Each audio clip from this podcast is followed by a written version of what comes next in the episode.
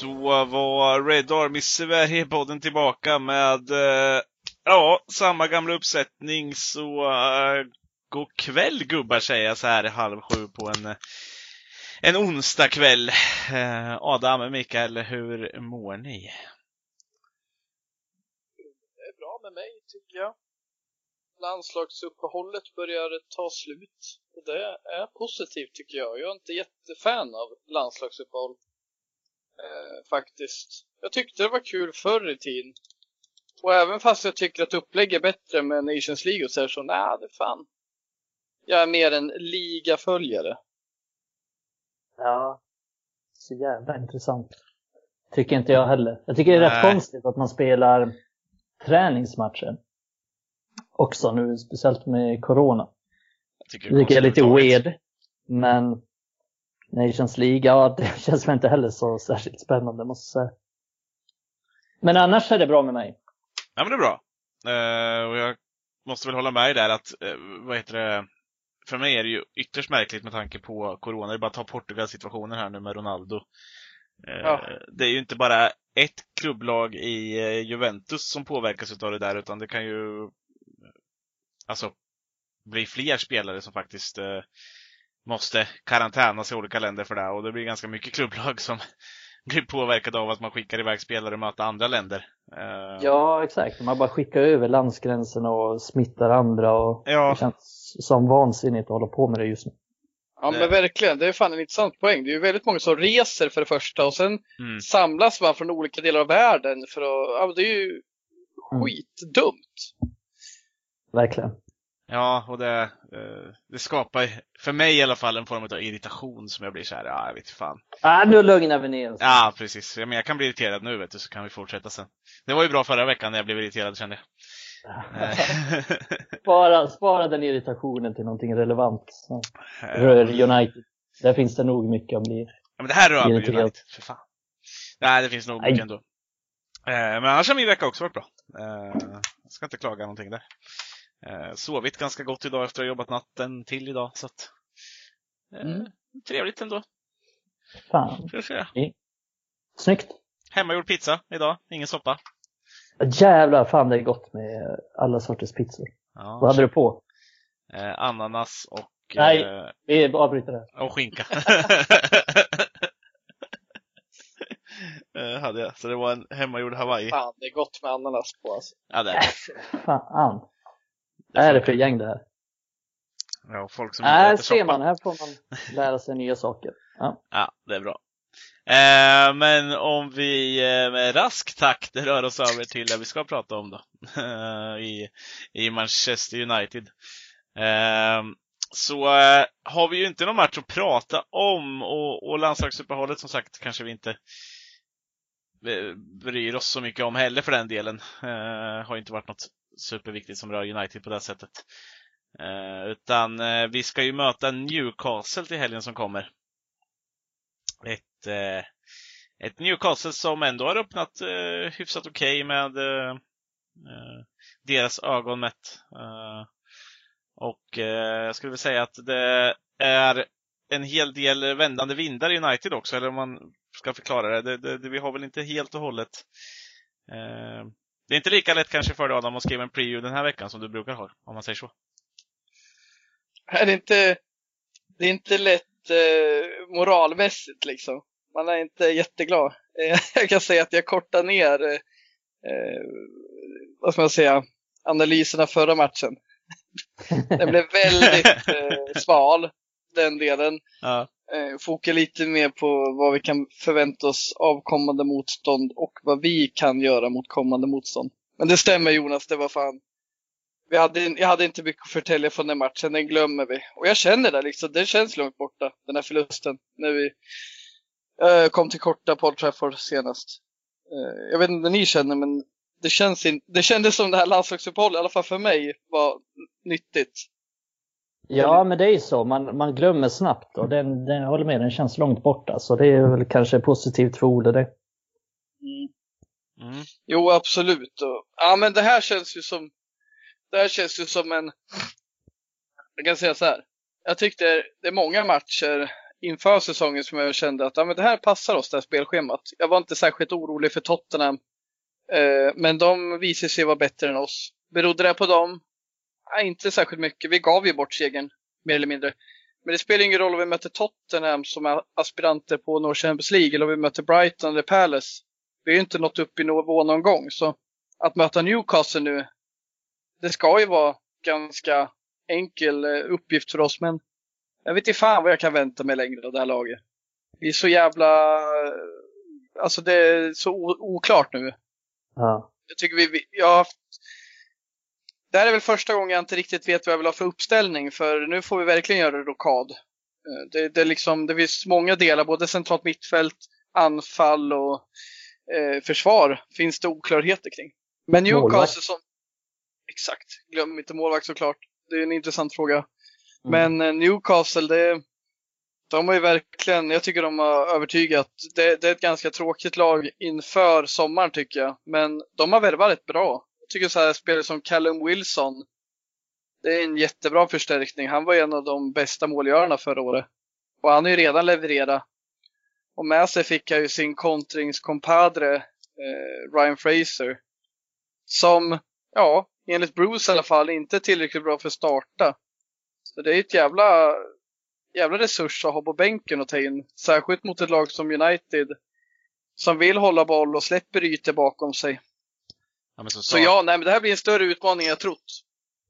Ja, och de har ju Mm. startat lite mer extra defensivt. De, ett annat nyförvärv är Jeff Hendricks, heter han så?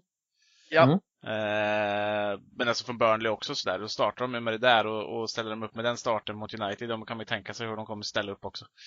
Eh, han har ju spelat ut vid höger. Det är lite som att se Seb Larsson i landslaget för Sverige. Eh, något utav det hållet. Det är en innermittfältare som, som har klivit ut till, eh, på kanten och, och, och bidrar rätt mycket in i mitten.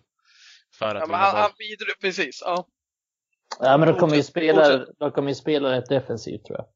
Ja men precis, och det är det jag menar. Det, det bidrar ju till att de kan spela ännu mer defensivt och, eh, eh, och trycka ihop laget. Och tittar vi på hur vi mötte dem förra året så ställde de ju upp med eh, någon form av fembackslinje, fyra framför och en på topp. Och det kan väl mycket väl bli så i år också med tanke på att de har sett hur svårt United har haft det. Så eh, en, en Wilson på topp som kontrar skulle väl inte vara helt omöjligt. Eh, Nej, det låter vi- ju rimligt. Han har ju kört lite fembackslinje och han har kört eh, 4-4-2 med.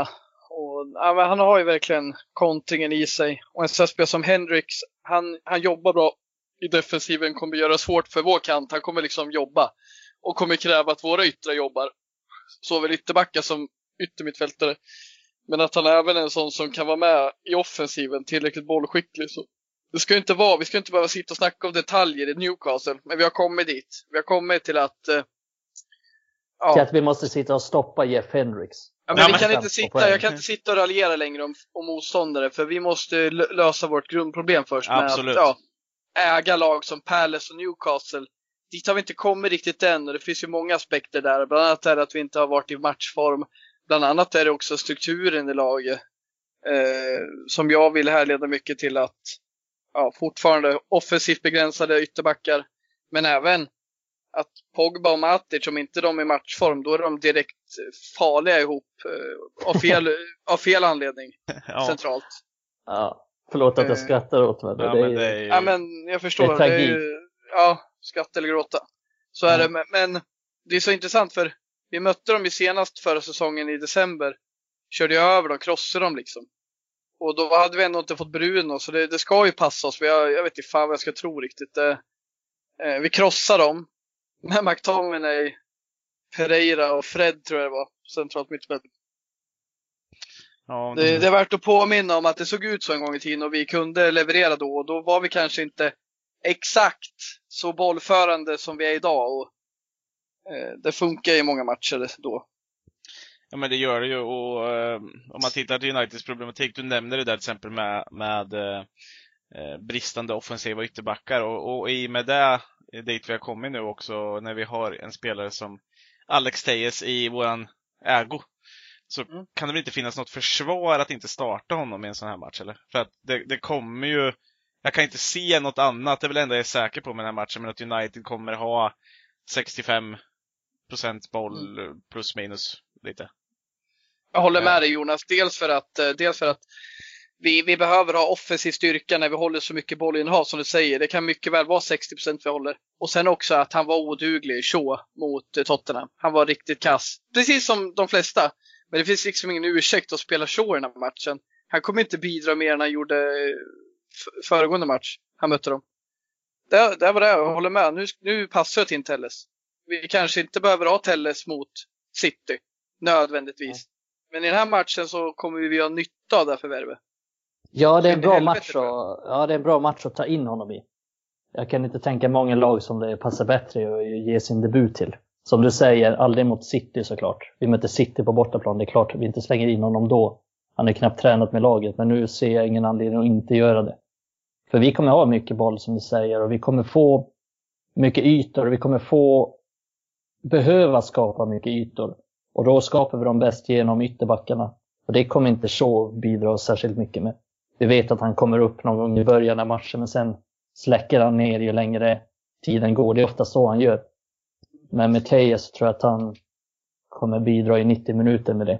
Ja men precis. Och jag bara jag vill komma till en konklusion till. För att det känns ju som att om man spelar en sån som, som Tejes i det här och han är så pass offensivt farlig som man ändå vi får anta att han är det, som, som, som alla har sagt. Och, och vi har ju inte sett det på papper än, men det, det skulle väl kunna vara så. Eh, då kommer ju han också kunna ta på sig ännu mer. Eh, då kan de inte släppa honom så som de har släppt Shoa och, och Van Bissaka många gånger i de här lagen. Eh, för att Nej, de, de, de, de, är inte så rädda för dem. Eh, och då, Nej, kommer de, då kommer de inte vilja se honom piska in de där inläggen efter, alltså hela tiden. Utan då kommer det någon komma gå ut där och då kommer det finnas mer yta för, för Bruno in i mitten, möjligtvis för Rashford också kliva inåt. Alltså så här, allting sånt skapar ju mer ytor för andra också. Exakt, det blir ju en uh, kedjeeffekt av det. Men jag tänker också att hur, hur villig är Ole att, att starta med honom? Om vi tänker att United har släppt in 11 mål på de tre första matcherna och 6 mål i senaste matchen. Och det är försvarsspelet, det är det sämsta försvarsspel jag har sett i United någonsin. Liksom, hur tänker han kring den balansen? Det är lite... Men kan Tejes vara sämre än vad Shaw var i den matchen? Nej, nej, nej det kan han inte. Men, ja, men alltså, det, jag, jag tänker att Ole tänker att han kan vara lite mer i grunden lite sämre defensivt. Ja, Shaw är inte sådär dålig defensivt varje match. Nej, inte. Nej. Eh, Nej, och Shaw var ju inte förstår värst. Ni vart jag, förstår ni vart jag vill komma? Ja. Att han liksom är, han behöver täppa till försvar, han behöver göra någonting åt det. Ja. Och det är ju den här matchen också, han behöver balansera upp det bättre. Han behöver sätta, det finns, fanns ju fan ingen struktur i försvarsspelet mot Tottenham. Det fanns ju inte innan heller. Det har inte funnits den här säsongen och det är ju så märkligt med tanke på att det såg helt okej okay ut. Rätt bra stundtals försvarsspelet förra säsongen. Men den här, liksom, det finns ingen struktur med boll, ingen struktur utan boll. Nej, och det, det handlar ju, det är ju, det är ju så. Det är, det är flera spelare som gör individuella misstag och det är AVB som var 100% i vissa delar förra året. Han har varit dålig. Maguire, Lindelöf, Bajy. Ingen har hållit en riktigt hög nivå. Uh, till och med Lindelöf som vi har kritiserat en del, liksom, han har ju varit den minst dåliga av dem. Som det sett ut den här säsongen. Och det, det har ju mycket med att göra med att Maguire och Bailly var så urusla senast. Så kanske jag inte hade sagt om inte Maguire presterar så, för jag tycker Maguire är en bättre överlag. Men... Och sen Shora var också dålig i den här matchen. Han var inte sämst, men han är också den som, ja, är han inte grym defensivt på Tottenham och sen är han så begränsad, det är klart vi ska inte ta in Telles. Men jag förstår vad du menar Mikael, det här med Ole inför den här matchen. Han har ju inte ont i magen på hur vi ska leverera offensivt. Han har ju ont i magen på att jag måste säkerställa defensiven. Och gör jag det genom att ta in Telles? Nej. Så det är klart, han kommer förmodligen starta så.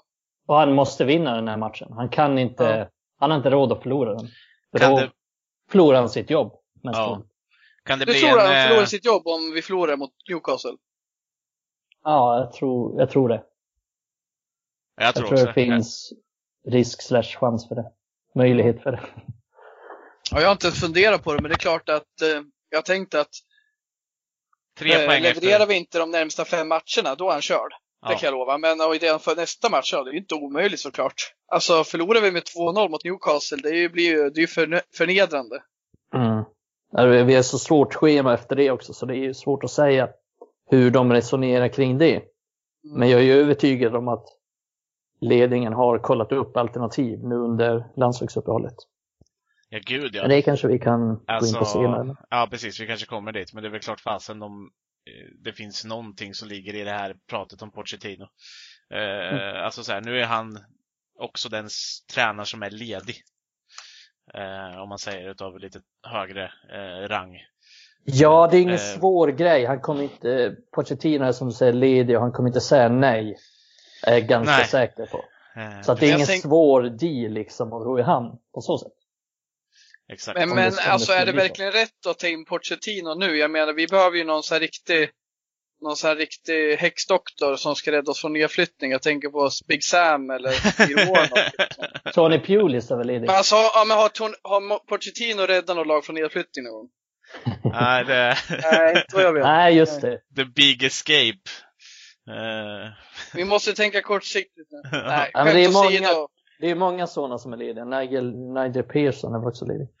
Ja, vi kan säkert få loss då David Moyes från West Ham också. Nigel Pearson, det är väl det mest aktuella liksom. Nej men eh, när vi ändå snackar Telles där, det Mm. kan ju vara intressant att se honom, men om vi ser att han startar och vi får hans eh, kreativa förmåga, vilja gå framåt, kan slå tidiga inlägg. Vem är det han ska slå inlägg till liksom? Martial utvisad, tänkte jag säga, Mm. avstängd. Eh, Cavani är eh, corona-karantän. Det är Greenwood som är på gång, eller vad tror vi? Han Ja, verkar inte ha förtroende för Gallo. Han har Nej. inget förtroende för Gallo den här säsongen. nej. Så Eh, får- jag ta en sak först då? Ska vi försöka fastslå vad, eh, faktiskt vilken formation det kommer kunna bli i det här då? Alltså blir det kvar 4-2-3-1? För att det, det avgör ju rätt mycket det här. Garanterat. Men det vore ju ett praktfiasko att fortsätta med 4-2-3-1 när han har de här spelarna borta. Då har vi ännu mindre materialet för att spela det. Eller alltså så. Utveckla. Eh, Utveckla. ja men alltså, om du tar bort Martial, tar bort Cavani. Vi har ingen... Alltså om, om vi börjar där då. Jo, vi kan flytta upp Greenwood som kan spela nia. Alltså han är ju nia i grunden. Men då, har vi, då är vi tillbaka där då. Då har vi högerytterpositionen. Ja, då är det antingen Daniel James tillbaka in mot ett lågstående lag och det vore ju bedrövligt med honom AVB på kanten.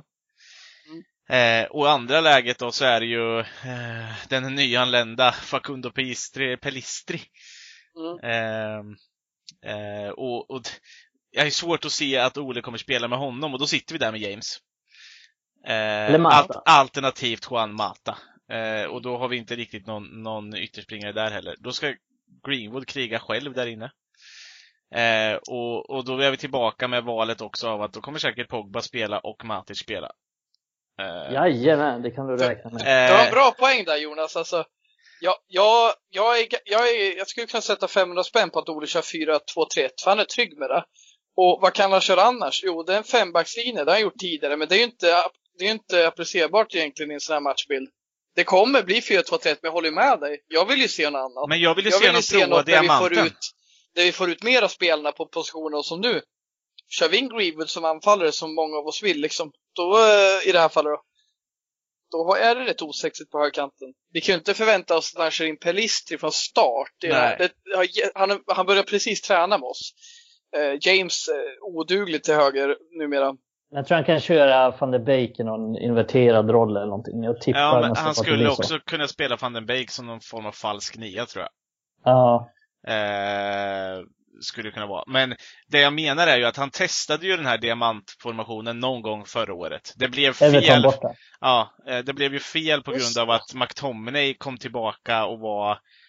Eh, alltså, Han höll handen med van Bissaka där. Ja, men precis. Och det var ju typ McTominays första tillbaka från skada, liksom där grejer. Alltså det var ju, det blev ju inte Jag vet bra. vad du snackar om. Eh, Såklart, det, var, det var McTominay, AVB Ja, och på kanten där. Men ja. det är Eh, ju en sanning. Det var, han var ju inte bra, han passade inte den rollen och det var lite orättvis bedömning över den formationen då. Men precis. den riktiga sanningen där också, vi hade ju vunnit om inte de Gia hade slängt bort eh, Ja, matchen från början. precis. När han sparkade den i arslet på uh, Loftus Cheek tänkte jag säga. Men Vad det är ju? Calvert. Calvert Lewin. Ja, precis. Men det är ju Men det är egentligen... intressant poäng med McTominay. Han var inte bra och Nej, det precis. säger ingenting om formationen egentligen. Det var Nej. mer spelarvalet. Exakt, och det var väl det han hade och han ville få in McTominay och jag förstår det. Men det är ju, nu har vi ju spelarna för det och egentligen med de spelarna som är borta. Om man tittar på att man inte kan använda Cavani, man kan inte använda Martial, ja men då har vi egentligen två val som har spelat som är bör vara hyfsat i form nu. Och då är Greenwood och Rashford i våran offensivare, alltså anfallsvariant. Ja, Ja. då skulle de två spela ihop. Rashford har också varit ganska bra när han har spelat med eh, om man har spelat som forward med en annan, så det har varit två stycken. Eh, och sen spelar diamanten bakom med Bru- Bruno, Pogba, Van den Beek och ja, sen om man väljer Matic eller Fred, alltså jag skulle säga Matic de flesta gångerna, men eh, och nu har vi ju Tejes också som skulle kunna vara den offensiva på ena kanten och då får man väl vara lite offensivare till vänster. Eh, kanske Bruno får drifta mer till höger, alltså det är ju logik i det här. Eh, om ni förstår vad jag menar. Ja, men rådande Mm. situation, motståndet. Jag köper det Jonas. Jag Ja. lägger min röst på det. här. Självklart. Alltså, det skulle vara skitkul att se. Och det passar ju väldigt bra nu med så mycket skador offensivt. Ja, skador och Ja. avstängningar. Ja. Ja, förlåt. Avbräck med det. Ja. ja. Det är intressant att se. Om han, han har ju testat den, så den är inte omöjlig. Det är den inte. Och man får ju tänka så här också. Det har ju gått så jävla dåligt nu på sistone så Ole är väl inte den första och sista som testar något lite drastiskt kanske för att ändra på något.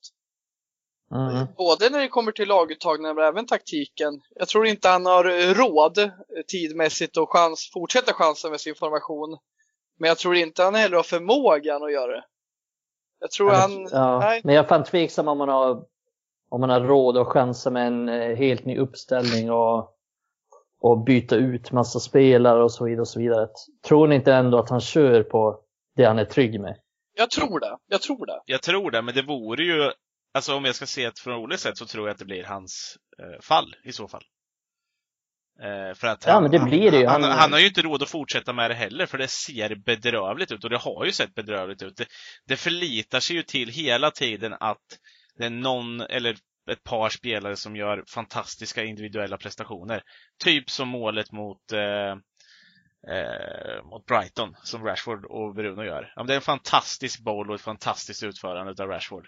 Men i, i övrigt så är det bedrövligt och vi får en, en gratis straff i slutet. Eh, Ja, men det är samma som mot Luton. ja, Det är ju liknande situationer. När de kommer in så får vi ytor bakom deras backlinje när de satsar framåt lite och så. ja, Gör Rashford, Martial, Bruno individuella prestationer. ja, det var inte Martial, det var Greenwood. Ja, ja vad fan jag nu sa. Vem av dem det nu var. Men eh, det är så det brukar se ut och det ja, är väl så det vi får förlita oss på nu också. Ja. Och, men, men det blir ju, ja alltså då är jag rätt säker på att kör han, kör han 4-2-3 så kommer vi få problem mot Newcastle. Jag är ganska säker på att vi får problem oavsett. Jag tror att Men- han har större chans om vi inte gör det. Om han faktiskt vågar prova någonting annat. Och det skulle även kunna vara någon form av fembackslinje. Men han behöver få upp två på topp i den här matchen tror jag. Dels för att vi ska ens, som du, det var där vi kommer tillbaka till det du sa förut Adam, med inläggen och det. En ensam forward där inne i Greenwood, ja, han kommer få det tufft. Eh, för att James, om vi säger att det är James som spelar ute till höger då, om vi spelar 4-2-3 han kommer ju inte fylla på, för Teje slår ju det spelar ingen roll om James fyller på. Han gör ju inte några mål därifrån ändå. Och Pogba Nej, kommer vi ju, ju, Pogba vi ju kommer ju generellt, nej, men vi är ju generellt ganska dåliga i straffområdet, alltså i inläggssituationer. Vi gör ju inte så många nickmål till exempel. Men det är därför vi behöver få in ganska- spelare där också. Ja, Ja, men vi har ju inte så, vi har inte så bra inlägg heller. Liksom. Nej, men vi har inte så bra avslutare med huvudet heller. Eh, Det beror väl lite på vem som spelar center. Nej, vi får en men- bättre huvudspelare i Cavani än vi har i Martial. Ja, absolut, absolut. Men om, om jag tänker den här matchen, och då räknar jag inte med att Igalo spelar. Han skulle väl kunna vara en bra huvudspelare straffområdet. Det vet jag fan inte om han är så bra. Det kanske han är. Men mm, Greenwood är inte så bra på det. Rashford är inte så bra på det.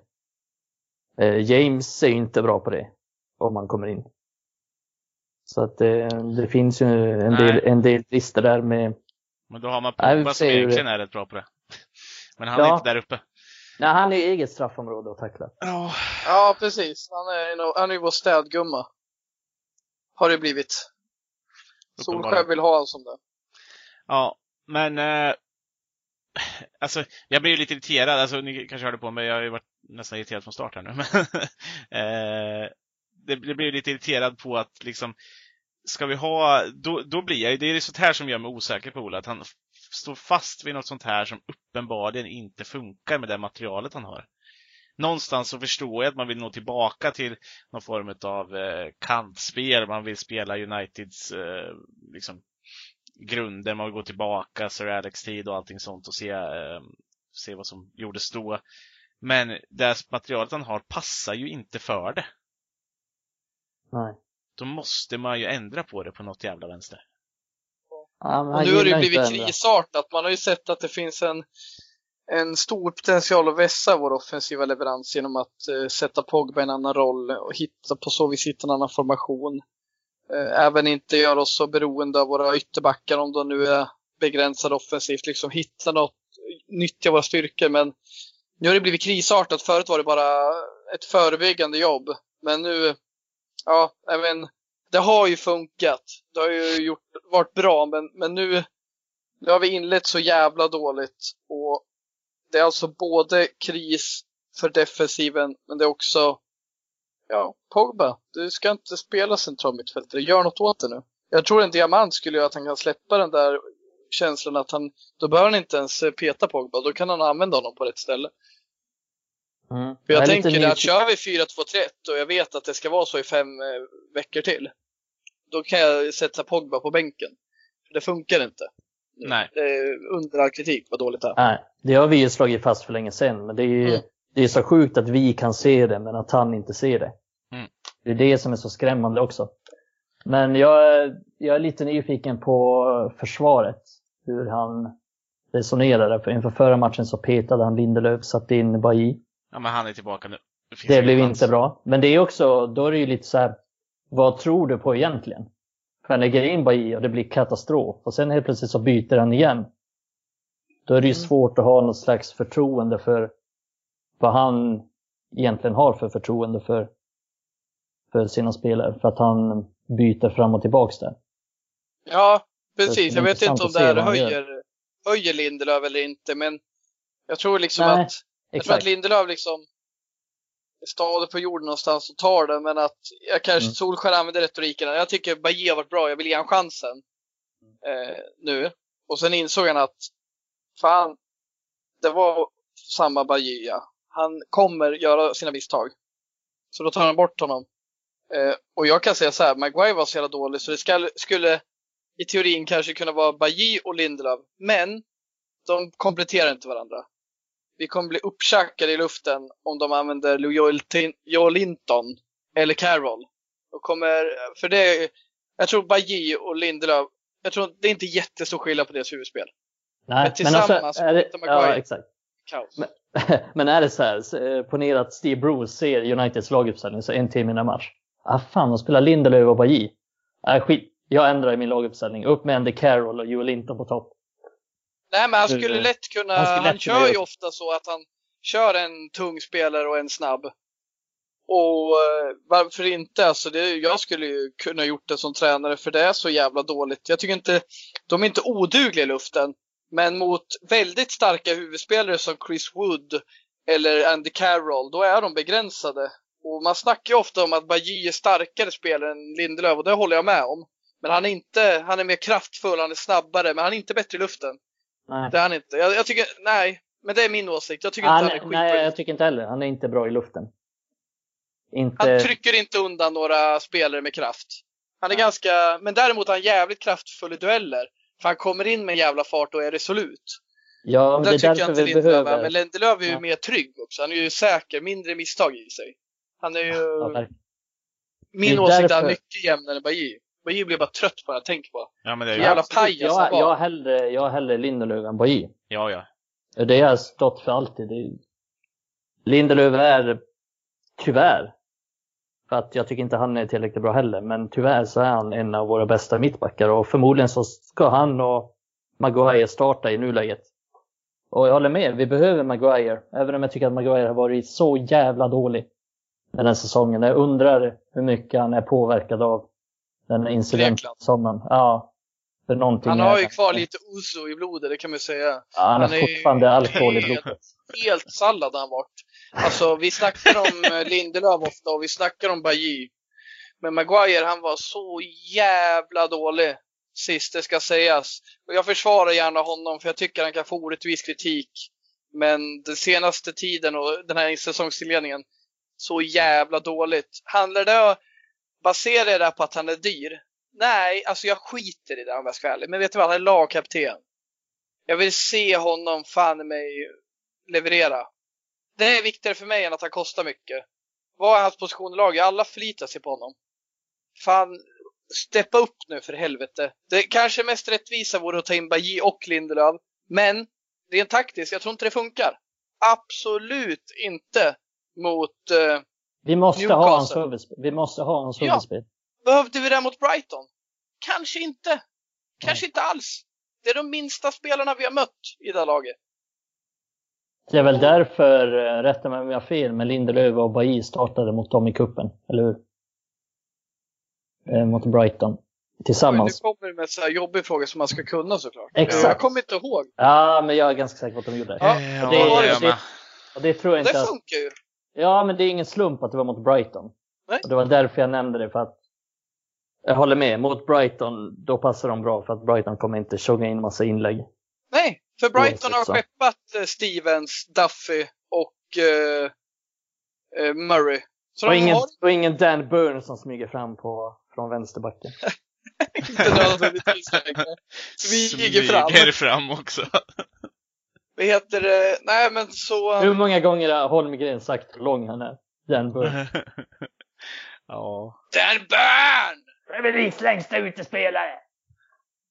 Nej, det, det är fint. Nej, men nu ska Ja. vi släppa Dan Burn. Ja.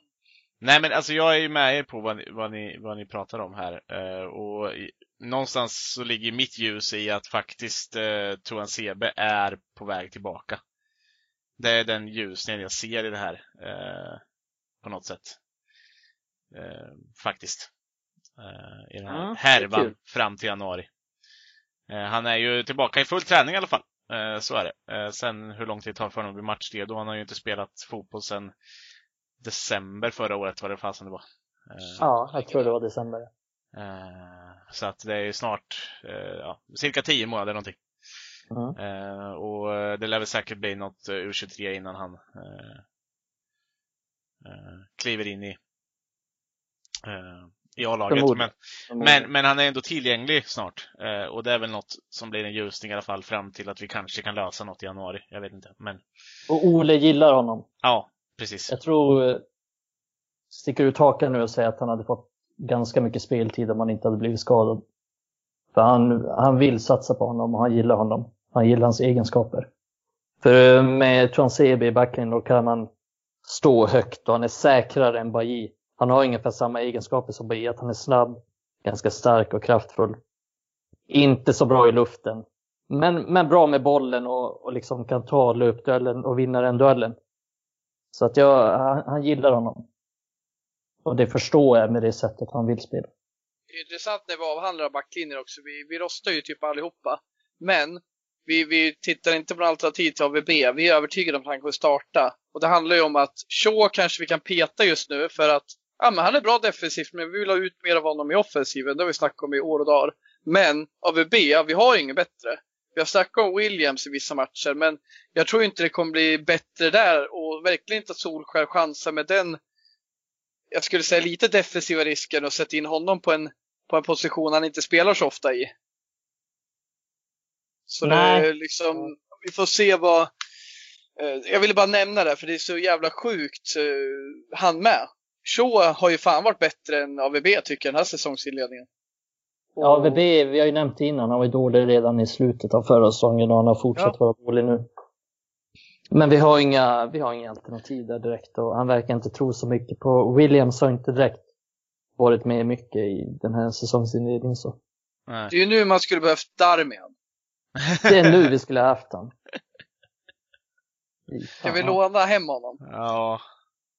Nej, Marcus Rojo kliver in mot Newcastle. Ja.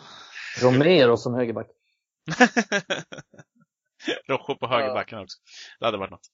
Eh, nej, men vi har väl egentligen, eh, vi ska väl ta oss vidare snart här, men, men jag skulle vilja avhandla två snabba grejer till i alla fall. Det, dels har vi råd att bänka van den Beek den här matchen också. Ja, råd har vi. Men äh, det beror ju helt på vad han har tänkt för, för uppställning. Men det är ju, spelar han Pogba och Matic som sittande i 4-2-3-1 och van de Baker på bänken, nej, då, då tror jag inte att det, det kommer se bra ut. Och man kommer ju definitivt höja på ögonbrynen om det är så vi kommer starta. Så eh, jag tycker att han, han bör få sin chans här. Han förtjänar att spela, men jag skulle inte liksom... Förstå mig rätt nu, det är inte honom jag saknar. Eh, Jag saknar att få igång Bruno, jag saknar att få eh, lite mer, få igång Bruno. Han har ju fan inte varit ett problem, men jag saknar struktur defensivt. Det mesta andra kommer nog lösa sig över 90 minuter om vi har en stadig defensiv. Så, ja, jag saknar han, men med din uppställning då kommer han ha en viktig roll, Jonas. Eh, En Mm. diamant. Det skulle jag tycka var Mm. jättekul att se. Han är mångsidig och vi kan använda honom i flera positioner. Precis. Eh, jag tänker också att, jag nämnde det lite innan att jag blir inte förvånad om, han, om vi spelar 4-2-3-1 och han spelar som en inverterad eh, winger på kanten. Just det. Nej, det har han ju faktiskt Eller, gjort i- fa- eller falsk nia, som vi också nämnde innan. Ja, han skulle kunna göra både och där. Han har spelat Ja. faktiskt, eh, jag vet inte om han har spelat falsk nia någon gång, men han skulle säkert kunna fixa det här eftersom han har spelat mycket tia. Men, eh, däremot så har han ju spelat faktiskt en, en del matcher ute som högerspringare eh, i Ajax och då spelat ganska inverterat. Så att det hade inte varit konstigt. Och sen sista grejen då, om vi släpper holländaren där, så eh, finns det väl ingen bättre, bättre läge än att sätta in Dean Henderson i den här matchen? Eller? Oj, jag vill ha in Henderson. På, Men jag vet inte om det är ett bättre läge. Jag köpte faktiskt Mikael. Faktiskt säger jag. För han fick mig lite att tänka om det. Att det är nog ingen dum idé att, att ta in Henderson i rätt läge när det liksom... Eh, det kanske är rätt läge nu. Men att göra det under den här... Fan, jag vet inte vart jag vill komma. Men Jag vill säga det. Jag tyckte Mikaels resonemang var bra för några poddar sedan. Om att vi ska inte ta in honom bara. Men det kanske är läge nu. Jag tyckte det från första början. Jag vill se Henderson, så fan, ja, kör in honom. Det kan inte bli sämre med det sker, känner jag. Jag, Ja, fan, det är så- jag är så jävla... Jag tror inte på de Gea längre. Nej, det är så jävla svår fråga tycker jag. För Det handlar ju också om någon slags trygghet i laget. Vi förlorar med 6-1. Ska vi liksom byta ut målvakten, sen byta ut, det kan ju skapa ännu mer. Ja, men det kan bara bli säkrare, eller hur? Vi har ju sagt Ja, att men det, det är kan- inte de Geas mål, någon av dem, det är det kanske. Men eh, det blir säkrare. Jag menar, han har ju inte koll på någonting i det här laget. Alltså jag tycker vår backlinje är jättehög. Hur fan kan han inte komma ut ur straffområdet? Vad är det för fel på honom? Jo, han är begränsad. Det klarar han inte. Han har inte förmågan. Romero däremot, de är ju livrädd för att han kommer ut. Men han kommer ut med en jävla fart och rensar den. Och är det så att man kör en hög backlinje, då måste man vilja och kunna lämna straffområdet. Men vad såg vi? Jo, mot Spanien, då försökte han ju lämna straffområdet. Men han stod ju där, visste inte vad han skulle göra. Och fan vad, det var en jättetabbe. Jag läste Si- Simon Stone skrev att hur kan man tycka det är en tabbe? Bla bla bla. Ja, man ska ju för fan inte, man ska inte komma ut sådär halvdant. Så, jag ska inte gå in och analysera det där, men det Gea klarar inte, det är inte att han inte, han, han har inte förmågan att gå utanför straffområdet. Däremot är han världsklass på linjen i sin bästa stund. Men jag Ja, men tycker de- ett bekymmer att backarna litar inte på honom. Nej. Men de stunderna har inte visat så mycket på, på sistone så att eh, han har inte varit stabil. Men jag vet inte om det är hur mycket mer stabilt det kommer bli med Dean Henderson. Och, jag, jag tycker det är en extremt svår fråga, det har jag sagt innan också. Jag, jag, jag vet fan inte vad som är rätt val här. Det är det som är... Jag, brukar, jag har ofta en åsikt om, om saker, men här, här har jag fan ingen åsikt. Jag vet inte. Nej, du vet ju bäst av oss här om eh, Ja, det vad jag. Henderson Alltså. har för eh, egenskaper. Och det är det jag läser av mellan raderna. Du håller ju med om att ja, men Henderson kan bli bättre på många sätt, men rätt vad jag fel, men han är ju ingen kung i luften liksom. Det är inte så att han kommer äga straffområdet som Schmeichel gjorde. Sen Nej. vet inte jag hur han är utanför straffområden när han lämnar och gör ruscher och sådär.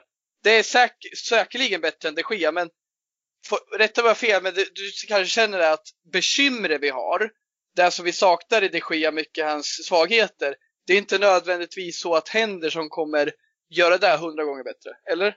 Nej, precis. Henderson är ju, han är modigare målvakt. Han kommer ut och så tvekar han inte när han kommer ut. Jag kan ju se att de Gea tvekar lite när han kommer ut. Ja. Men de har ju i grunden samma, ganska liknande egenskaper, att båda har sina styrkor på linjen.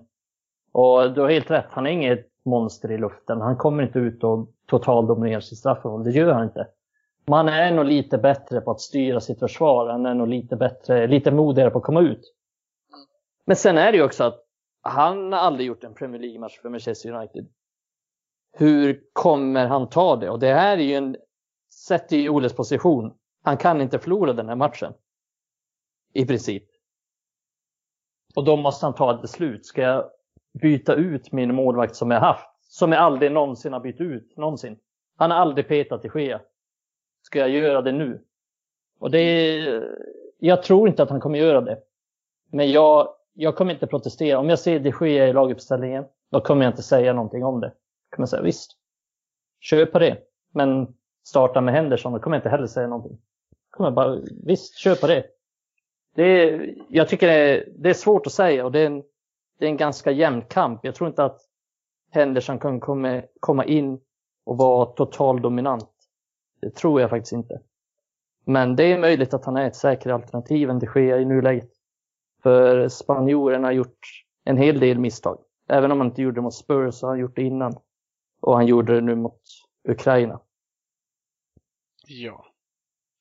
Och eh, ja, vi kommer säkert kunna få läge att prata ännu mer de Gia Eh, efter pausen här. Men eh, jag, jag är med på vad ni säger. Jag, jag tycker väl bara att efter den prestationen så kan det inte bli enklare än det. Och jag förstår att Ole inte har läge att eller att jag förstår din poäng i att har han råd att peta den han aldrig har petat nu. Men samtidigt, han har mycket att förlora.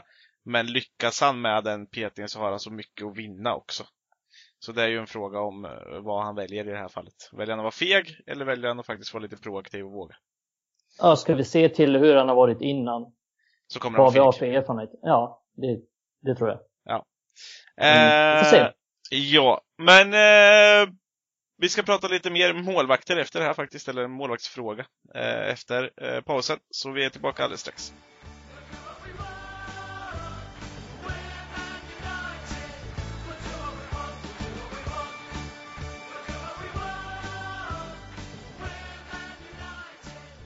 Ja, och eh, som sagt, eh, målvaktsfråga sa jag ju här precis innan pausen att vi, eh, om inte annat, vi skulle gå vidare lite på. Eh, och eh, då tänker vi kanske först och främst inte på nummer ett och två på listan, vilket vi, vi har gått igenom precis innan här då med Henderson och eh, de Gia. Utan eh, Sergio Romero och situationen där. Vi har ju precis skrivit ett inlägg eh, Eh, på gruppen, signerat mig själv, eh, om just situationen med hans fru där då som gick ut med ett rätt eh, starkt eh, meddelande ändå om att hur klubben mer eller mindre inte respekterar Romero och inte respekterat honom under tiden och att det är en eh, dålig klubb och lite, ja, alla, vad man nu kan läsa i undertonerna till det där eh, inlägget. Så situationen Romero, inte såld, man har nekat bud på honom. Eh, han har ju och i det här då också tagit med diskussionen om att han faktiskt har blivit petad då. I, eh, han har stått väldigt mycket cupmatcher, gjort det bra. Jag tror jag skrev där, jag har inte siffrorna exakt i huvudet, men 33 nollor ungefär på eh, 55 cupmatcher, något sånt där. Eh, vilket är bra statistik. Eh, men inte fått stå i de stora matcherna sen. Och eh, där har vi haft en intern diskussion och diskussionen i det här inlägget var ju också ganska markant. Eh, åt lite olika håll. Eh, och vad har ni för åsikter egentligen runt hela situationen? Nej, alltså jag förstår ju att eh, jag förstår ju att han och eh, hans familj eh, i situationen där han hamnar ner i någon slags eh, fjärde eh, val är besvikna över att han inte kan lämna klubben. Eh, det finns ju en del aspekter att ta in här varför han inte fick gå. Det är ju inte så enkelt alltid, men min åsikt är ju att eh, det bästa för alla parter hade ju varit att låta han gå.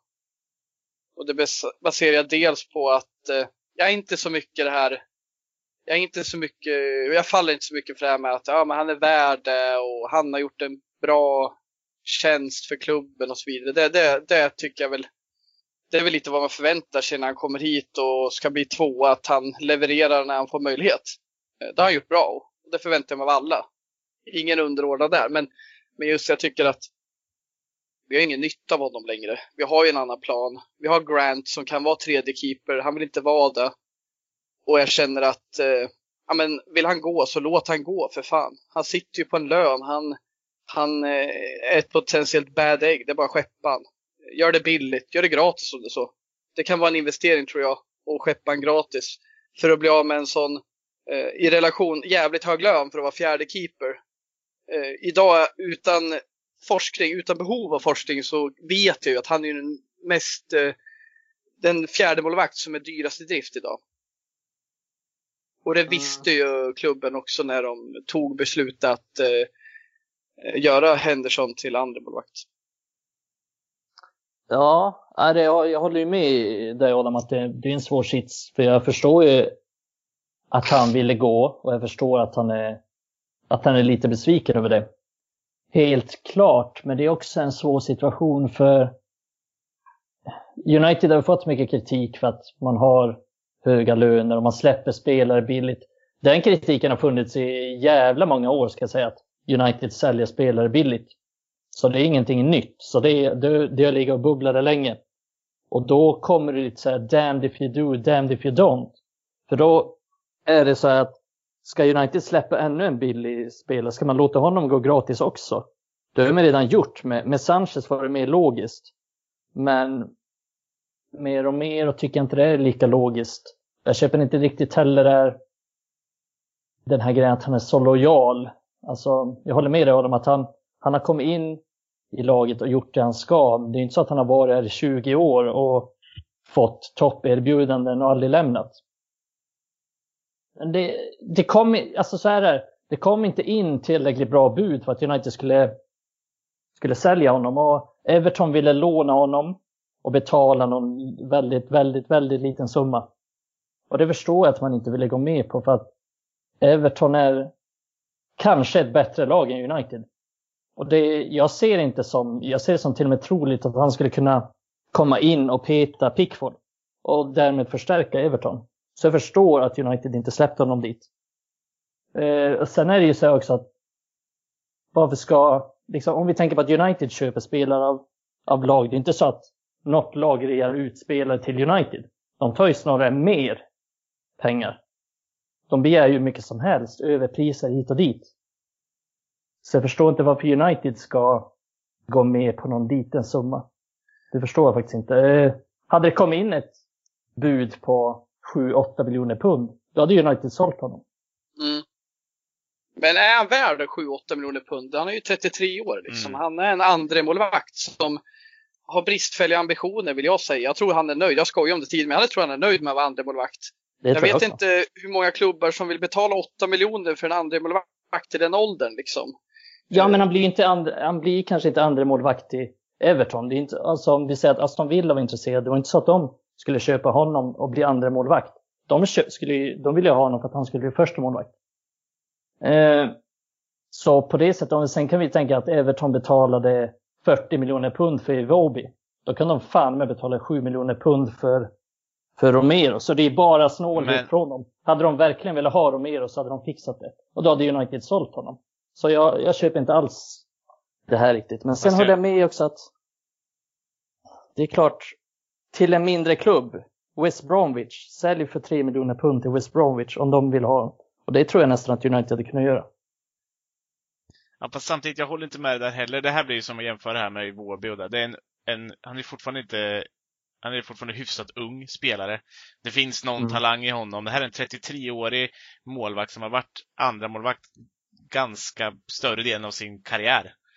Eh, knappt varit första målvakt i landslaget om man ska säga. Det var under en session kanske, eh, under något år. Eh, han är ju som du säger, det är bristfälliga ambitioner. Jag tror aldrig Everton hade tagit in honom för att kanske konkurrera med Pickford, men inte peta honom. För skulle de peta en engelsk landslagsmålvakt för Sergio Romero som typ aldrig har varit första målvakt. Han har stått cupmatcher för United länge som helst. Man kan inte kräva så mycket pengar för honom. Alltså det är så här, och jag är också lite riskabelt nu med tanke på situationen som är uppbyggd, att det blir ett bad egg, precis som Adam säger. Därför är jag inte beredd att hålla med där du sitter och säger just nu. Men jag förstår vad du menar, men jag är inte alls på den. Mm, men, men samtidigt har ju har vi ju, det är jävligt många som, som menar på det. Och det vet jag väl kanske inte riktigt att man håller med om. Men det är många som menar på att han går in i hälften av Premier League-trupperna som första målvakt I hälften av Premier League-lagen. Och med det, med det sagt så tycker inte jag att säg 7-8 miljoner pund är en stor summa i, i dagens läge om man verkligen vill ha honom. Men det säger väl någonting att Everton inte vill betala det. Och att Aston Villa kanske inte heller vill betala det. Alltså jag, jag håller ju med att jag har ju verkligen varit frustrerad över att vi, vi är så jävla odugliga i våra förhandlingar att vi ger bort vissa spelare. Mm. Och den frustrationen är ju så det gör ont i min mage när jag tänker på att vi ger bort bra potentiella spelare liksom. För att, nej men han platsar inte längre, vi skeppar iväg honom. Men, Men kolla på kom- Johnny Evans. Hur billigt Ja, precis. Det, det är ett bra exempel. Och, och det i förlängningen har gjort att de har förstärkt en konkurrent i längden. För han har ju gått till West Brom, som inte var konkurrent, men sen till Leicester. Och jag känner det liksom, ja, vi behöver strukturera upp det där och vi ska inte ge bort spelare. Men när det kommer till typ Darmian, eh, det är ingen idé att ha kvar han, skeppa han billigt. Romero finns ingen mening att ha kvar han, skeppa han billigt. Men Pereira, nej, honom ska vi inte skeppa billigt. För ett, det gör inget om han är kvar lite längre till. Han kommer vilja spela då och då i United. För han, han fattar att han inte är en världsspelare. Han är väldigt billig i drift också. Och det är ju inte Romero. Risken nu är att Romero sit, eh, sitter i någon slags frysbox resten av kontraktet med en ganska hög lön. Och det är ett problem för mig. Men jag håller med i den aspekten att ja, vi måste börja se över vad vi ska ha för våra spelare. Och vi ska göra det på det sättet att vi ska ha en plan och så ska vi erbjuda så många klubbar att vi får rätt peng och inte bara sista dagen för att oj, just det, vi har kvar honom också. Det ska finnas en plan. Och i min värld så kan vi skeppa Rocco, Romero och Jones gratis som det så. För de har ingen plats i truppen. De har ingen potential att utvecklas och bli alltså en dålig affär att vi säljer Rocco för en miljon och han blir en Barcelona-spelare. Jag ser inte det hända. Däremot Pereira, jag ser att han är en begränsad spelare, men det är en ung talang och det är inte konstigt att det sattes någon slags klausul för att han ska kunna typ gå för 25-28 miljoner till Milan eller vad det var. Lazio var det ju. Och det skulle jag bli jättebekymrad över, att vi skeppar Pereira eller Dalot för 2 miljoner. Men Romero, jag ser liksom, vi behöver inte pengarna och vi, vi måste bli av med lönen. Rocco, Jones och Romero, det, de sitter på löner tillsammans som gör att vi skulle kunna, vad heter det, ja, vad heter det, fan får inte fram ordet, men vi skulle kunna täcka en lön för en världsspelare. Men idag har vi dem och vi kommer inte använda dem. Och även fast vi vill så kommer vi kommer absolut inte använda Romero. Och Jones och Rocco Nej. kanske vi vill använda någon gång, men de är skadade hela tiden. Men, Bort men det, med dem! Nu! Ja, men- och, och sen är ju frågan också, vill någon ha Jones eller Rocco? Kanske inte, men absolut inte om vi ska ha 5 till 10 miljoner för dem. Nej. Men det, Romero kan vi fortfarande skeppa nu. För att fönstret är öppet lite till. Och sen eh, i januari. Hans kontrakt går ut i sommaren men vi har, United har en option på ett år till. Så det är ju kanske inte jättetroligt att man vill förlänga den. Men det kan man ju göra om man vill. Så att det finns ju läge att få sålt honom senare. Men grejen är att, jag ska bara säga en sista sak här. Men grejen är att hade United haft en bra plan för honom det verkar man inte ha haft. Då hade man gått ut tidigt på sommaren och sagt det här är prislappen på honom, säg 5 miljoner pund. Då hade man förmodligen fått sålt honom. Men United har inte den framförhållningen. Nej, och där köper jag också. Alltså där ska man ha en bättre plan. Men det jag menar när jag säger att jag inte håller med dig förut, det är att jag, jag håller inte med dig, precis som Adam säger, när det rör just typ Romero. Ja, och, och precis som du nämner också, Rojo och Jones är jättebra exempel på det där. Men när det gäller typ Pereira och de här också, man skulle även varit ute tidigare där. Ja, Eh, såklart. som, och haft en bättre plan. Och där är vi ju värdelösa. Vi är ju lika dåliga som vi är på att köpa spelare är vi på att sälja dem. Och det är ju Ja. ett extremt problem. Eh, skulle man ju lätt kunna säga. Eh, över, överlag är ju våran transfer eh, strategi eller liksom vårt upplägg är ju undermåligt as fuck. Mm. Ja. Eh, och där kan vi egentligen avrunda hela den där diskussionen om man säger så. Eh, det är tråkigt nog, jag, jag tycker väl ändå att han förtjänar lite mer respekt. Han har ju inte klagat på att vara andremålvakt, han har varit en väldigt bra andremålvakt. Han har varit eh, bra i cupmatchen och allting sånt där. Eh, jag, jag förstår ju missnöjet i familjen. Eh, sen är det ju lite roligt att det just är en argentinsk spelare med en, eh, med en fru som återigen är ute och, och klagar åt dem. Och då tänker jag väl på att det är ingen som har missat Vandanara och Icardi i, i, eh, i Inter för inte alls så länge sedan. Nej, och Eftersom att argentinska Argentina spelare i inte kan tala för sig. Ja, precis. Argentinska spelare i United genom åren är väl ingen hit. Nej. Nej, Det, vi kanske ska sluta med det, om ja, vi ska vara ärliga. vi hoppas på att Uruguay är bättre. Ja. Ja, det har väl varit lite bättre. Ja, Forlan får Varela och Forlan.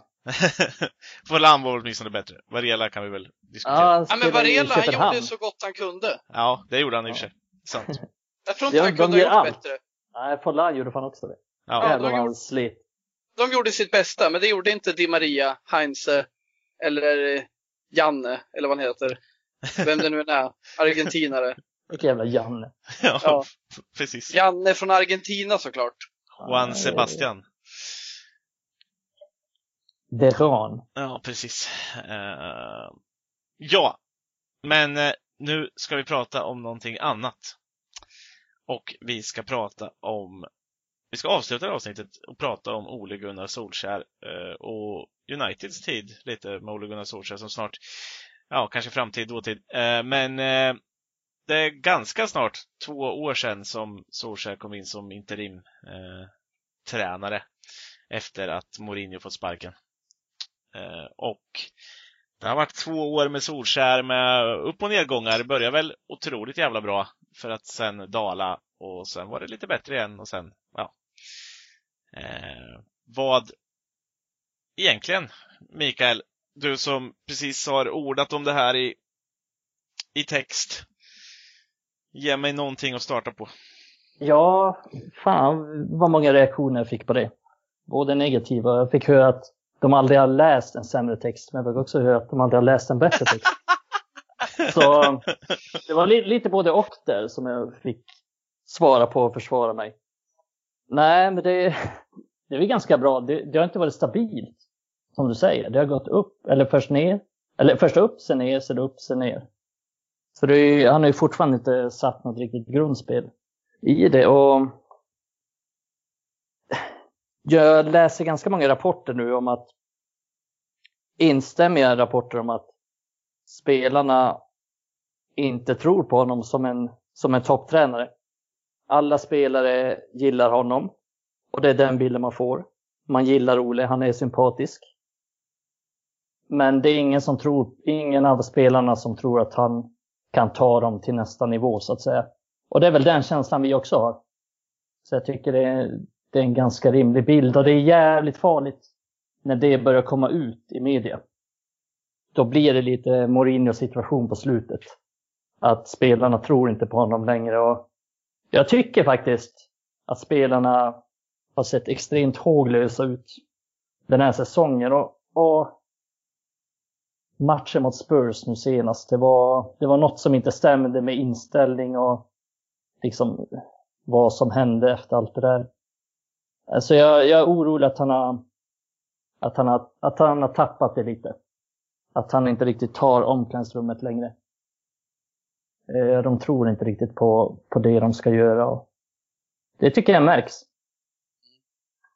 Ja, men Det, det, känns ju som, det var igår han tog över som interimtränare.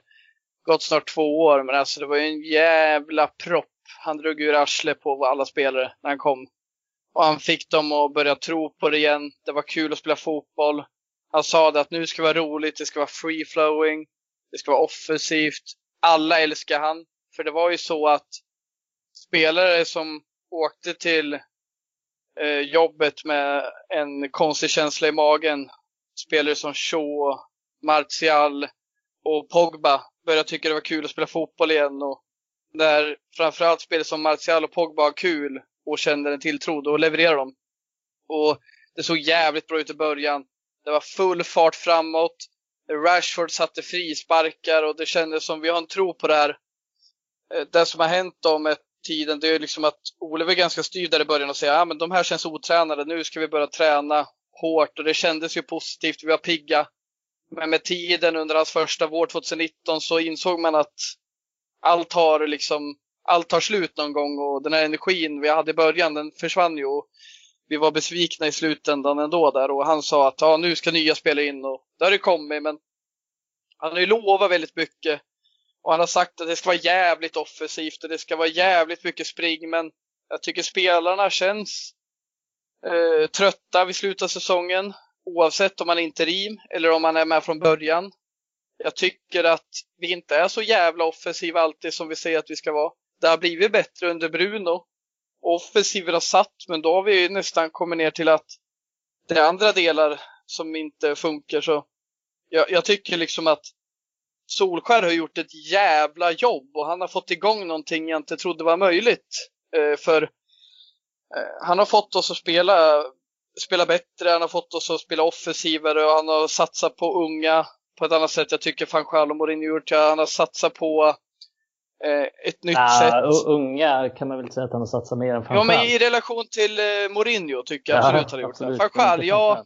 Ah, Fanchal, jag vet inte fan, det var väl, det var väl helt okej. Okay. Man kanske är lika mycket som Solskjaer Ja, men han men jag tycker att han, han har satsat på dem. Han ja, har satsat absolut. på att dig har jag en plan med och jag vill mm. utveckla mm. dig. Och jag tycker han har utvecklat många offensiva spelare. Men problemet ja. är ju att smekmånaden är över. Och jag tyckte det redan i, i somras, även fast jag var jävligt nöjd och jag vill säga det. Jag ville säga det i podden då, jag säger i text att fan Solskjaer har gjort ett bra jobb. Men nu vill jag se mer. Nu utvecklar vi det här. Men han gör ju inte riktigt det. Och jag säger det än en gång, anledningen till att vi kom trea, det är inte för att United var övermäktiga. Det var för att våra konkurrenter var antingen bristfälliga som Chelsea eller så Leicester och Tottenham tappar under tiden. Så liksom den här säsongen när alla har rustat och vi har vår ledning vi har och så vidare. Då behöver man något extra. Man behöver ha en taktisk kunskap. Man behöver ha en omfattande strategi framöver. Och den finns inte i defensiven. Och det, jag tror inte heller att spelarna riktigt tror på honom. Och de gjorde det i början. Men efter två år så ska ju mycket ha hänt liksom eh, strategiskt. Jag säger det en gång. Förra säsongen var bra, men vi måste utveckla det. Och det gör vi inte. Vi fortsätter med Pogba som mittfältare och så vidare. Vi, vi fortsätter med att ha problem i vissa matcher vi inte ska kunna ha problem i. In med McTominay och kriga på mitten. Så löser sig allt. Nej, ja, men nej, det funkar men det... ju! Det funkar ju i början. Ja. Det gjorde ja, ju det. det, men nu krävs det ju mot... mer. Det var det som var så bra mot, mot topplagen. För då kunde vi ha typ McTominay och Fred. Och de kunde vinna duellerna på mittfältet. De är löpstarka och ganska bra med bollen ändå. De är ganska trygga med bollen och kan spela upp bollen. Men eh, när de ska styra matcherna så funkar det inte. Men det funkar ju mot topplagen. Att de kan slå snabba, raka bollar.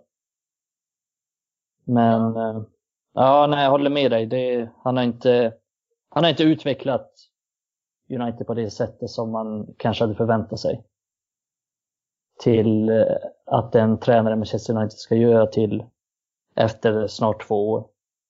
Eh, han snackar ju som du sa också om ska bli så jävla löpstarka, men statistiken från den här säsongen är att United löper minst av alla topp 6-lag.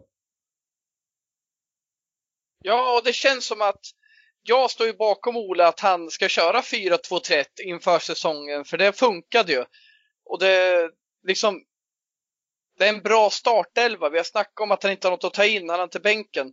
Men även fast han har spelare att ta in så har han ju inte riktigt den taktiska förmågan känner jag. Jag tycker att han kan göra ett bra taktiskt upplägg, vilket gör att vi vinner matcher mot våra toppkonkurrenter förra säsongen. Men jag är fortfarande, jag kan säga, min kritik som kanske är anledningen till att jag inte tror på Ole i längden, hans taktiska förmågor räcker inte till. Och det är så enkelt som Pogba, vi kan tjata om. Men det, det är mycket i det där. Det är jävla mycket att han liksom har inga ytterbackar han eh, kan eh, leverera offensiv fotboll från. Ändå så ska han ha en formation som kräver att vi har offensiva ytterbackar som, som eh, kräver deras närvaro. Det är som att han liksom ändå... inte ser att AVB inte är tillräckligt bra offensiv. Jag tycker inte det. Jag tycker han, varken har tillräckligt bra har... inlägg eller bra Nej. uppspelsförmåga. Men kan det vara så att, att spelarna ser allting det som vi ser nu? Att det börjar gå upp för dem att det här kommer ju inte funka snart? Ja, men det är, så jag, det är så jag tror att det är. De är ju de är inte dumma i huvudet. De ser ju det vad vi ser, precis som du säger. Och de är ju där och lyssnar på, på vad han säger i omklädningsrummet. Och det verkar inte ha varit superbra stämning i halvtid på Old Trafford där mot Tottenham. Eh, en del, eh, en del argument där, även om det inte verkar vara något extremt allvarligt så var det väl extremt heta känslor där, vad det verkar. Nej, så... Eh, nej, det är, och det är ju det jag är orolig för nu om de inte tror på honom, om spelarna inte tror på det han säger, spelarna tror inte att han är en tränare att ta United till någon ny nivå, då förlorar man ju. Alltså, om inte, om inte de som är ute på planen tror på det han säger, då, då funkar inte det här. Och då måste United göra sig av med, med tränaren eller hela spelartruppen. det är antingen eller antingen så skeppar man de spelarna som inte tror på honom eller så skickar man tränaren eller i bästa fall så anställer man en, en eh, director of football som, som sköter alla värvningar och som sköter att det finns en röd tråd i klubben. Men det verkar ju aldrig hända. Så då är det ju um, tränaren som får gå. Och det är väl det jag tror kommer hända så småningom. För han kommer inte få tillbaka deras förtroende igen. Det tror jag inte. Det funkar inte så. Det, Tror de inte på honom så är det kört i framtiden. Jag tror han håller på att smörjer ändå relationen med Maguire och Pogba. Det är sådana spelare ja, som alltså, man vet är starka spelare i truppen. Mm, men alltså som... det är inte det som är problemet alltså. Han har ju bra relation med spelarna. Det är ingen som ogillar honom. Det är ingen, alla gillar honom. Pogba gillar honom, Maguire gillar honom, Rashford gillar honom. Men de tror inte att han är en topptränare. De tror inte att han är en tillräckligt bra tränare. Så det är inte relationen som, som det verkar vara fel på. Utan det är bara att de inte tror att han är tillräckligt bra. Och det är väl svårt att komma tillbaks ifrån, tänker jag. Ja, jag mm. känner det där. Det där kommer ju funka så länge han, han håller de här nöjda också.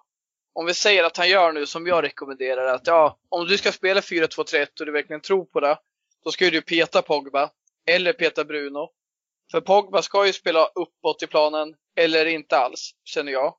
Och då kommer han ju inte få med sig Pogba. För det spelar ingen roll hur mycket Pogba gillar Solskär, så har han för stort stjärnego, precis som Rashford och eh, Bruno har. Att de vet att de är för bra för att sitta på bänken. Mm. De, vet att, de vet vad de kan leverera. Och det är därför jag tror till exempel att han alltid spelar Maguire. Han vill hålla honom väl. Han vill, han vill inte peta Pogba, för det är en stark spelare i omklädningsrummet. Mm. Eh, och ja, men det där, det är då det kommer märkas. Det gjorde det om inte annat för eh, Mourinho. För han lokaliserade också att Pogba var viktig för honom. Men när Mourinhos eh, val var att peta honom, det var ju då det började bli problem liksom. Det är ju så med allting, man vill ju hitta sina ledare och de är ju hjälpsamma i en sån här grupp. Och det kanske inte är rätt att peta Pogba. Men det är rätt att använda på, på bästa sätt. Ja, men det har han inte gjort hittills. Nej. Men du har rätt, det är, Pogba är väl den som har störst respekt skulle jag tro i omklädningsrummet. Det tror jag med. Jag tror inte mm. att han, han vill inte rucka på den relationen. Nej. Nej, och så är det ju. Uh... Men alltså, det är ju det är så jävla intressant diskussion och man är alltid sådär, ja men presterar spelarna verkligen och allting sånt där. Men, men på något sätt så, så går det ändå tillbaka till att det har inte varit bristande i en liten stund här nu med Solskjaer. Det har ju Nej. varit över en längre tid. Eh, och, och, även om det var bra när Bruno kom in så var det ju mycket för Bruno. Det var ju inte för Oles taktiska briljans eller att han så, utan han har ju saknat en tia och han fick egentligen in en tia och fick lite fart på det och helt plötsligt tyckte Martial det var roligt att spela fotboll igen och då blir Martial bättre. Intressant att du säger det för att det är just det de här rapporterna säger. De tycker inte att Ole har någon så här taktisk briljans utan de menar på, spelarna själva menar på att han förlitar sig mycket på, på att någon ska hitta på någonting framåt. Och det är väl den bilden vi också har fått. Och det är ju intressant att det, det verkar som att spelarna upplever det så också. Och, och, det, det ju... håller ju, det håller ju när vi kontrar och när våra, ja. vi är laget som, som och när, ställer och när spelarna har en bra dag. Ja, då, då, då, funkar det verkligen. Då behöver de inte vara särskilt taktiskt skickliga. Då kan till och med spelare som Lingard fungera jävligt bra. Men det, det håller ju inte i många matcher när lagen backar hem. Och vi kan ju titta så här, ja, men vi gjorde det bra i, under sommaren. Och vi ju bara ändå, vi har ju bara i några matcher varit dåliga den här säsongen. Kommer från en säsong då vi hyllade det här gänget. Men jag känner ju så här. Det handlar ju inte om att jag är orolig för de här fyra första matcherna. Det handlar ju om att han, jag tror inte med hans bristande kompetens där taktiskt och ledarskapsmässigt att fan, det här håller ju inte i längden heller. Vi säger nu att han inleder en 12 månader, eller säga 12 månaders, ja men säg att han håller sex månaders streak med jättebra fotboll. Så tror jag fortfarande inte, jag ser inte personligen att han kommer liksom höja oss och ta oss dit vi vill. Och det krävs ju jävligt mycket i den här klubben med alla komplikationer vi har. Och mycket kommer ju till taktiken. Och det tycker jag var ett problem för Mourinho. Att hans taktik var begränsad. Ja, jag tycker det egentligen med, med alla tränare. Det är ofta ett argument att vi kan inte kicka tränaren för att det har inte funkat med någon innan. Men jag tycker inte att Mois var tillräckligt bra. Jag tycker inte att van var tillräckligt bra. Jag tycker inte att Mourinho var tillräckligt bra. Visst, Mourinho var det i perioder, men det är bara att se hur det har gått för de här tränarna efteråt. Det har inte gått superbra för dem. Jag, tycker, jag tror inte på Mourinho i Spurs. Även om han slog United med 6-1 så tror jag inte att han kommer inte göra någon större succé där. Så det med, jag är nyfiken på att se en tränare som har en eh, tydlig idé. En modern tränare. En, någonting som inte är gjorts förr så att säga. Jag vill inte ha in en Mourinho eller van Schaal och och ingen som kan klubben. Jag vill liksom inte, fan, anställa dem Ryan Giggs, då gräver jag ner mig. Fan. Problemet det... med att uh, fimpa Solskär, är att han har ju en, han har ju en god grundtro att han vill, han har han, han säger vad han vill om han satsar med ungdomar. Han gillar Uniteds tankesätt med att satsa på ungdomarna. Vi vill oh, hitta ja. en sån tränare som som vill främja vår kultur. Och det tyckte ju till exempel inte Mourinho gjorde. Och visst, han var jättebra taktiskt i vissa matcher. Jag tycker överlag att det var bristfälligt i skilda matchbilder. Men det jag vet är ju att han har inte tålamod med en sån som Martial eller Shaw. Eller Nej. Pogba heller för den delen. Men det har ju Solskär, han tror ju på de här. Och det ser vi nu med, med Mourinho att, vilket är bisarrt egentligen, att han skeppar Delali. För han har ju inte tiden eller ambitionen att vara med en lite stökig spelare. Och det får vi säga att Martial är ju lite stökig. Han är ju jävligt bra och jag tycker när han levererar så är han högsta klass. Men ni vet ju, det har ju varit lite, ja men han verkar ha lite struligt privat och sådär och då är ju en sån, han ska ju få mycket kärlek. Jag tror Solskär har gjort Martial till en riktigt bra anfallare för han har fått mycket kärlek och tilltro. Men mm. Martial mår inte bra när han inte får tilltro. Men tillbaka till Solskär att ska vi ha en annan så det krävs ju mycket. Jag saknat det här under Mourinho, den här offensiva frejdiga fotbollen man ändå går ut från. Och man vill att det ska vara fart, man vill att det ska vara unga spelare. Nu har inte Solskjaer levererat alltid, men tar vi in eh, Sam Allardyce, nej jag skojar, nej men tar vi in en annan tränare så är det inte säkert att han kommer omfamna traditionerna vi har. Nej, det tycker det är inte jag att Solskjaer har gjort bra.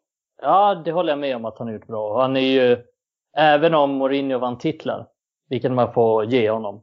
Det, det är ju viktigt gjort. såklart. Ja, det har inte Solskjaer gjort. Men jag är ändå mer nöjd med Solskjaer än jag var med Mourinho för att det var hemskt att se United då. Eh, Solskjaer har ändå gett oss lite hopp och jag tycker att han har gjort många bra saker med truppen. Eh, Martial, Rashford, Greenwood är en av de bra sakerna. han har satsat på dem. Det skulle aldrig Mourinho ha gjort. Han, hade, han ville köpa Perisic för typ 60 miljoner pund som var 30 år redan då. Ja. Och bara spela honom på en kant liksom. Det, ja, det, det, det hade sjukt. inte varit vår framtid. Och det är den glädjen som Solskjaer har skapat oss. Jag var så jävla lycklig de här första månaderna vi spelade med honom, att man hade en tro igen. För det hade jag inte under Mourinho. Jag har aldrig kollat på mobilen när jag kollar matcher eller så här, men under Mourinho så blev det som en ny kultur för mig att ja men fan i vissa delar av matcherna kunde jag sitta och scrolla på mobilen för jag visste att nej, det kommer inte hända någonting nu. Ja, en hörna, det kanske händer något nu. Men jag visste att det är så jävla lättläst, vårt anfall. Ja, jävlar vad man skruvar på sig där i soffan. Ja, så han väckte ju lite mitt, mitt liv igen, eh, Solskär, kan man säga, med United. Så han har gett oss mycket, men just det taktiska, det har gjort att man inser att, eller jag inser, nej fan, jag har svårt att tro att det här kommer hålla i längden, att det kommer bli bättre. Och vi kan säga vad vi vill om ägarna och allting, det är åt helvete, det är det, men när det kommer till taktiska detaljer, det kommer till matchplaner, då vill jag ha något mer. Jag kräver mer av den här klubben. Och ibland undrar jag fan om vi inte lägger ribban lite för lågt ibland. Men vi gör det. Jag, jag tycker att vi gör det. det är... Jag tycker att många försvarar Solskjaer bara för att. Utan att vi riktigt ser framstegen. Jag tycker också att han har gjort flera bra saker men jag ser inte honom ta oss till, till nästa nivå. Och jag tycker inte han har, han har inga meriter för det heller. Det är inte så att han har vunnit trippen med Real Madrid och man bara sitter och väntar på att någonting ska hända. Han har ju inte bevisat sig på den här nivån. Så han har inte byggt något förtroende på, på så sätt. Att han eh, kommer att göra det bra. Vi kan ju inte lita på att han kommer att göra det. Det finns inte så mycket som tyder på att han kommer att göra det heller. Så, nej, det, det är en tuff sits för man gillar ju Ole. Mm. Jag gillar honom, han är sympatisk. Men, han har gjort mycket bra men jag ser inte honom ta oss till nästa nivå. Nej. Och det är dit vi måste det är dit vi måste försöka nå. Han har varit en, en jättebra övergångstränare. Han har, har börjat arbetet som någon annan behöver ta vid för att han har inte det sista att ge oss. Det tycker jag syns. Om man mm. inte utvecklar det ganska snabbt. Och det är väl det vi har varit inne på lite innan. Ja. Jag tycker att han har lagt en bra grund till nästa tränare. Eh, nästa tränare som kommer in kommer inte tycka att alla, jag tror inte nästa tränare kommer älska Fambisaka. Det är svårt att se. Men jag tror att överlag så kommer en nya tränare liksom, nu ponerar vi att det kommer in en ny tränare om ett halvår till exempel. Då tror jag att den nya tränaren kommer tycka att den här truppen han har jobbat med är ganska så behaglig. Det finns mycket att, bygga på med Rashford, Martial, Greenwood, mittfältet, Bruno Fernandes, Pogba. Det är såklart en jävligt bra grund för ett bra mittfält. Eh, Dean Henderson, om det sker, jag skärper till sig. Vem vet, så finns det en bra grund där också. Ja, men det finns ju mycket byggstenar och, och såklart bygga vidare på för en ny tränare och det kommer fler ungdomar. Man ser ju att United har gjort en satsning där också såklart. Mm. Eh, det gäller bara att hitta rätt, rätt tränare såklart och det är, det är ju svårt att Svårt att säga exakt vad det skulle vara eh, just nu, men Ja, och man kan ju inte riktigt lita på att det är den här ledningen som har anställt alla nya tränare så man kan inte ja. riktigt lita på att de gör rätt men man får väl hoppas. Ja, precis.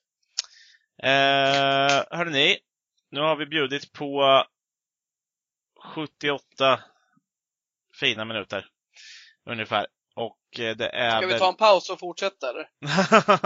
Precis. Nej, men det är väl där vi får eh, sträcka oss till idag.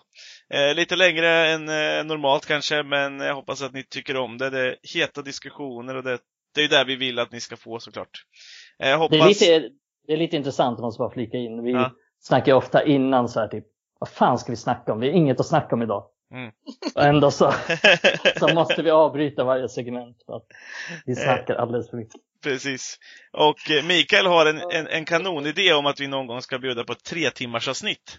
Eh, är det något som ni skulle tycka om så får ni mer än gärna skriva det i kommentarerna eller skriva till oss på något sätt. Eh, kommer ju ut inlägg på både Instagram, Facebook och Twitter så uh, in och skriv någonstans där ifall ni någon gång vill höra ett tre timmars halv, kanske fyllavsnitt eh, skulle väl lika gärna Ja, just det. Det är ju mitt andra, ja, precis. min andra idé att det ska vara ett fyllavsnitt. Det är ju mest för min personliga, personliga idé för att jag ska trivas så mycket som möjligt. Exakt. Så säg att ni vill ha ett fyllavsnitt. Det gillar jag. Ja. Eh, så hoppas vi såklart på att det blir lite muntrare miner till nästa vecka efter att vi har mött eh, eh, Newcastle. Så eh, får vi börja prata in oss lite på Champions League vid nästa avsnitt också. Det är ju en, en bra tanke, tänker jag. Eh, vi återkommer då och tackar för idag. Bye, bye!